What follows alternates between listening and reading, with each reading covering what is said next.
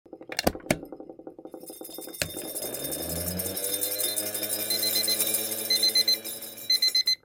alle sammen, og velkommen til eh, Labprat.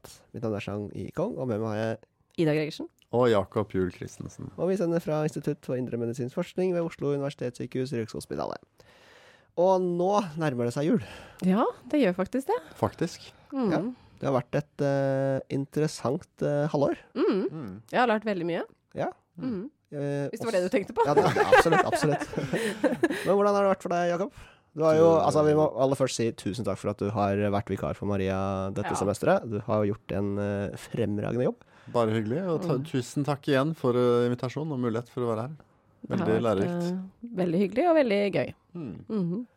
Nå nærmer det seg jo som sagt jula. Mm. Og så når vi tre jobber på laben, Mm. så er det jo alltid litt sånn eh, mas før jul. Mm. Hvordan ligger dere an med ting som må fullføres og Mener du Stæsjes lista mi? Ja, blant annet lista di. ja, jeg skulle ikke dit, men eh, ja, nå sier du tar det opp. Ja. Uh, nei, uh, ja, som vanlig så blir det vel en liste som jeg enten stryker ut eller flytter til neste år. Eh, nei det skal vel komme i mål i år igjen. Det, men det er jo som du sier alltid litt som skal ja, planlegges. hvem som skal passe på celler, og Mm. Eh, er det noen dyr vi må Ja. se til, eller altså mus, da. Mm. Jeg har et forsøk som skal gå, som skal starte nå, eller som nettopp har starta. Okay. Som skal da gå over, jul. Ja. Mm. Jeg er litt sånn spent på om det er noen som uh, Må får til rykke inn.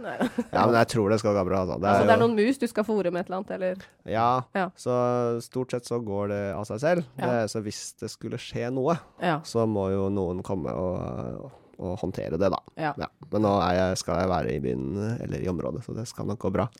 Men jeg lurer veldig på hva er det musene spiser til jul?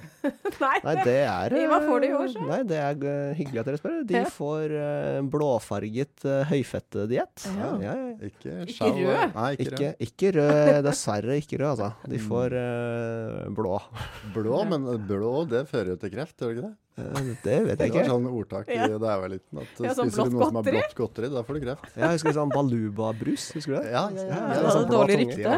Det var var dårlig rykte, ja. Ja, Ja. Men apropos det, jeg husker eh, under studietida så hadde vi, eh, jeg tror det var en sånn labfest etter et eller annet sånt laboratoriekurs. Okay. Så fikk vi blande en eller annen sånn blåfarge i drinkene. Mm. Jeg husker ikke hva det var. Om det var trypanblå eller bromfenolblå, en av de. Som ikke er, ikke er giftig, da, som ikke er farlig. ja, ja. Men uh, han ene stakkaren som eh, gikk på do og pissa blått, han ble litt stressa. Ja, Sånt ikke- er ikke vi med på Nei, nei. ikke, ikke, prøv det hjemme, forresten. Ja, men Ja, eh, ja. de får, eh, de får en høyfettdiett. Jeg skal gjøre en sånn åreforkalkningsstudie, og da må de ha en diett som er litt anriket eh, med fett og kolesterol. Hvordan er det? Kjører du de der um, PCSK9-musene, eller? Nei, disse er uh, LDLR uh, knockout-mus. Det er, ok, ja. Mm. Det var litt teknisk, da. Han må forklare. Ja, vi snakket jo om det i en tidligere episode da vi hadde Ingunn her, Ja, om eh, familiær stemmer. Hyperkolesterolemi. Mm. Så disse musene har jo den samme genetiske defekten da, som noen FH-pasienter har. Ja, De LDL-reseptor knockout. Ja, de Ja. mangler eh, et gen som koder for da reseptoren for LDL-partikler. Mm. Ja. Så da får de veldig mye høyere nivåer av eh, sirkulerende lipoproteiner Mm. og kolesterol. Og særlig når de spiser Høy mye fett. Ja. Mm. Mm. Eh, Blått høyt. ja. Det blå er kanskje litt tilfeldig at det er blått, ja, det er bare sånn at vi kan skille det fra andre fôr. Ja. Ikke vi skal ta feil. Ja, Fargekoding, rett og slett. Yes. Nettopp fargekoding. Ja, Ja, men de kan hende bæsj... noen begynner å bli stressa her, med det er blå.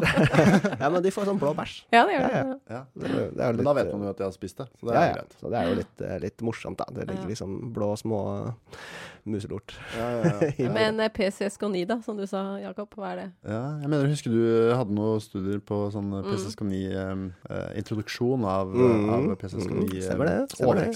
Stemmer det? stemmer det? Mm. Ja, nei, vi snakket jo om det også igjen da, med eh, Ingunn. Mm. At eh, PCSK9 er jo et protein som, eh, som slår ut LDL-reseptoren Mm. I kroppen. Mm. Eh, Den kan vi da genetisk introdusere til en mus, f.eks. Mm. Som gjør at den eh, slår ut av de eksisterende LDL-reseptormolekylene. Mm. Så det man ender opp med, er en, en eh, mus som ligner på en LLR-knockout-mutant. Det er to måter å eller, ja, i mus høyskolestrol, Ja. på en måte. Det, er- det er Så veldig vidt, kort. eh, og så vidt jeg husker, så er vel den siste metoden der, Mm. den er ganske ny sammenlignet med mange av de andre.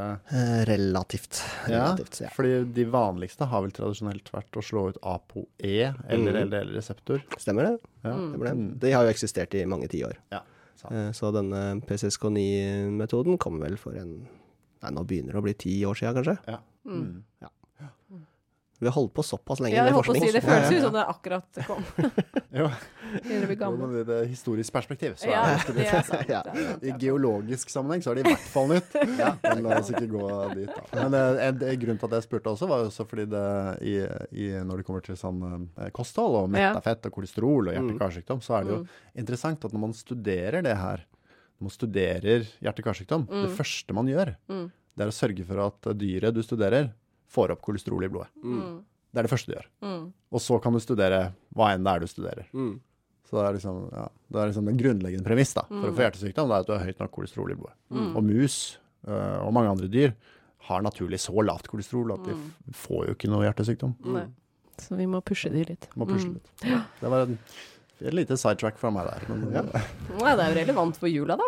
ja, det er Ja, det. absolutt. Ja. Apropos jul. Yeah. Eh, nå kommer vi en periode der folk eh, spiser kanskje litt mer eh, og litt mer usunt enn de gjør resten av året, da. Ja. Eh, hvordan vil det påvirke kroppen, sånn eh, ernæringsmessig og, og helsemessig? Ja, nei, det er jo som, som du, de fleste kanskje vil gjette, da. At de, man, man får jo litt høyere kolesterol, og man eh, går jo litt opp i vekt i løpet av jula. De, de fleste, eller mange gjør i hvert fall det. Eh, og det, man ser det også i studier, da. Så det var annet en studie fra 2019 i Danmark, eh, fra København, hvor de hadde sett på eh, vektutvikling eh, gjennom, gjennom året, da. Nei, det var ikke vekt, jeg mener kolesterolutvikling gjennom året. Og målinger tatt eh, like etter jul, altså type nyttår og jul, de, de var som regel høyere enn de som var tatt ellers på året. Mm. Så du får en sånn uh, juleindusert hyperkolesterolemi, da. Altså, Forbigående, da. Forbigående, fordi så normaliserer det seg kanskje i, i, Mm. uh, igjen, når, når kostholdet også normaliserer seg, da. At man Mm. ikke spiser så mye ribbe og pinnekjøtt og ja. Så det, men det, er, det var kolesterolet, mens du har jo også studier som ser på vekt, da. Og dem er, dem er det jo en del flere av, og da ser man også at høytider som jul, nyttår og også andre ferier typisk induserer en vektoppgang, da. Heller ikke uventa, men du kan si det, det betyr jo også at um, dette er gode perioder da, for, øh, for forebygging. Hvis man klarer f.eks. også å legge inn noe fysisk aktivitet i Mm. løpet av øh, ferier, så vil det effektivt øh, klare å balansere et litt høyere energiinntak. Da. Mm. Så det kan være en strategi. Og selvfølgelig at hvis man vet at nå har man spist for mye, så kan det være lurt å ta en, ta en hvit måned, eller ta en periode hvor man er litt, litt mer rigid på kostholdssida. Før Mm. man på en måte nærmer seg normal igjen. Da. Mm. Ja, og det er jo jeg holdt på å si, det er ikke for å skremme noen fra å ikke spise god mat i jula, men det er jo sånn som du sier, det er liksom det med å ha det litt i bakhodet, og kanskje være litt ekstra obs etterpå på at man kommer tilbake til gode vaner igjen.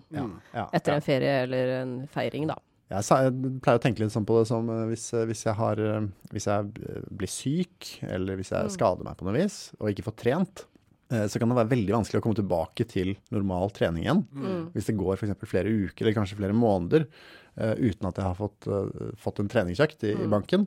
Da tenker jeg bare OK, det, clouet er å komme tilbake igjen, og la det bli en god vane igjen. da. Mm. Og at, at trening er en normal del av hverdagen. Mm. Eh, sånn kan man tenke med kosthold òg. Komme Mm. tilbake til en normal Mm. hverdagen, da. Mm. Ja, og ikke nødvendigvis grunne på liksom Og de to ukene og, og Mm. at jeg spiste så mye og sånn. Det er ikke det som er poenget. Nei, det er jo bare å ha gode vaner jevnt over, så går Mm. dette her veldig bra. Ja, Mm. ja. Og så er det viktig å kose seg. Ja, ja nettopp. Det er jo nettopp det. rom for det. Absolutt. Mm. I løpet av eh, denne høsten så har jo vi gått ganske grundig gjennom eh, de nye nordiske kostholdsrådene, Mm. som ble sluppet i juni. Og så har vi jo hatt en seks-sju episoder Mm. Ja, noe sånt. noe sånt, der vi har eh, snakket om litt ulike tema, da. Eh, som bakgrunnsarbeid, kjøtt, ultraprosessert mat, drikkevarer, klima og miljø, også noen eh, spørsmål og noen debatterte tema, da. Mm. Eh, Føler dere at det er noe vi har glemt? Helt sikkert. Men jeg syns vi har dekket veldig mye. ja, ja, ja. Ja. Jeg syns også det. Det har vært en god og grundig gjennomgang, takket være deg, Jakob. Ja, men det er Eh. gode spørsmål og samtaler, så det er jo det det handler om. Det har vært uh, kjempefint. Mm. Ja. Det hjelper jo å ha et sånt format som det her, hvor du har litt tid og Mm. kan faktisk uh, sette deg ned og forberede deg litt og ha noen gode tanker og nok tid til å nyansere Ja. uh, litt. Så det Mm. syns jeg har vært et fint format da, til det her. Mm. Absolutt. Vi kan jo anbefale våre lyttere om å høre gjennom de episodene vi har hatt. Ja. Eh, Men som en sånn eh, liten oppsummering sånn helt på tampen av eh, Året. året. Ja. ja. Uh, hva er det vi skal huske på fra NNR-rapporten? Uh, spør du meg? Spør, spør eksperten. Spør eksperten. Uh, nei, du kan huske på Ja, du kan f.eks. huske på at, eh, at rådene vi kommer med, de er basert på hva som er bra for helsa. Mm. Um, og etter hvert nå også hva som er bra for eh, planeten. Mm. Rådene er ikke ment direkte for deg og meg, eh, men for myndighetene, kanskje særlig, eh, til å ta tak i dem og ta tak i kunnskapsgrunnlaget og lage enda mer spissa og nyttige råd for befolkningen og legge til rette i samfunnet for å ta gode helsevalg, da. Mm. Så det er kanskje det viktigste. Mm. Mm. Ja. Og så vil jo da helsemyndighetene i Norge, Helsedirektoratet, lage nye råd. Eller de holder på med det. Som blir Ja. kommet nå over jul en gang. Jeg tenker, jeg tenker sikkert Vi kan tenke sommeren 2024. Ja. Mm. Som da vil være basert på NNR, men vil ha sannsynligvis noen justeringer, da. Ja, Mm. helt sikkert. Det, det skal, vi har vel nevnt det, at det kommer en De lanserer næringsstoffanbefalingene Mm. Ja. eh, nå eh, om noen uker, tror jeg. Okay. så de kommer ut eh, ganske kjapt, men de er jo heller ikke noe som folk flest skal forholde seg til. Det handler mye om eh, industri, matproduksjon, eh, ernæringsbehandling, medisinsk behandling og akademia generelt. Mm. Så det er mer til de miljøene. Mens eh, matvarebaserte råd og kostrådene de kommer da sommeren 2024. Ja. Mm. Og da lover du å komme tilbake hit og snakke med oss eh, om dem? Hvis dere inviterer meg, så stiller jeg opp. Ja, det er Det er åpen invitasjon.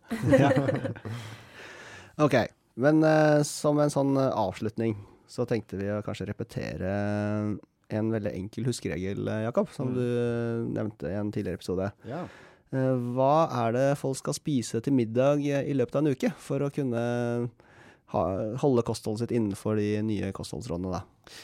Altså, da låner jeg den uh, huskeregelen til min kollega Helle Margrethe Meltzer fra FHI, og som også var med i komiteen. Og hun pleier å si at hvis du deler inn eh, uka på den måten her, så følger du sånn stort sett uh, rådene med tanke på, på i hvert fall kjøttinntak osv. Da, da snakker hun om to dager, uh, to middager i uka, så kan du velge kjøtt. Mm. En dag med hvitt kjøtt og en dag med rødt kjøtt.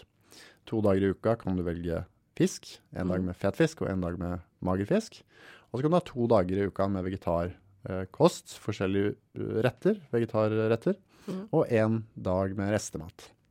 Da dekker du stort sett eh, anbefalingene og vil eh, få et skift, sannsynligvis få til et skift i retning mer plantebasert eh, Klimavennlig. og klimavennlig og Mm. helsefremmende kostråd. Mm. Jeg syns det er en kjempefin huskeregel. Så enkelt, men også så vanskelig. Mm. Ja. Det er vel ofte middagen som er de vanskeligste måltidene å Mm. på en måte få variert og, og spennende Mm. for folk. Særlig hvis du har en travel hverdag. Ja. Så jeg tenker det er et nyttig sted å starte, i hvert fall. ja. Og igjen, sånn som vi har snakket om tidligere, så trenger man jo ikke å gjøre alt på en gang. Hvis man sier man spiser kjøtt hver dag da til middag, så Mm. kan man jo begynne med å bytte ut én. Ja. Ikke sant? Eller, eh, og så ta det gradvis. For det, hvis man gaper over for mye, så kan det fort bli for mye òg. Absolutt. Og så Små man grep eh, hjelper veldig. Mm. Enig. Kjempebra. Ok, men da gjenstår det kanskje for oss å ønske alle våre lyttere en eh, god jul og godt nyttår. Mm. Når er vi tilbake igjen etter nyttår, Ida? Ja, i februar, skal vi si det sjøl? Ja, kan ikke vi prøve det? Så Ja. gir vi oss uh, alle en måneds eh, slack. Ja. Til å... Det tror, jeg, det tror jeg er fint. Og så må vi takke alle da, for at de har fulgt oss i høst. Mm, det har vært uh, Mm. veldig, veldig mange som har hørt på. Mm. Uh, det er jo klart at dette temaet er fengende, Mm. Det var veldig viktig. og veldig, veldig viktig. Og tusen takk til deg, Jakob, for at du har tatt deg tid til å snakke med oss i så mange episoder i over så mange dager. Takk selv. Tusen takk. Men før vi går, i dag, må vi minne våre lyttere om at dere må følge oss. Mm. Gjør- Følg oss gjerne på Instagram og Facebook, og send oss også gjerne e-post. Mm. All informasjon ligger i episodebeskrivelsene våre. Ja. Og eh, snakk gjerne om oss eh, under julemiddagen. Mm. Ja. Ja, ja, ja.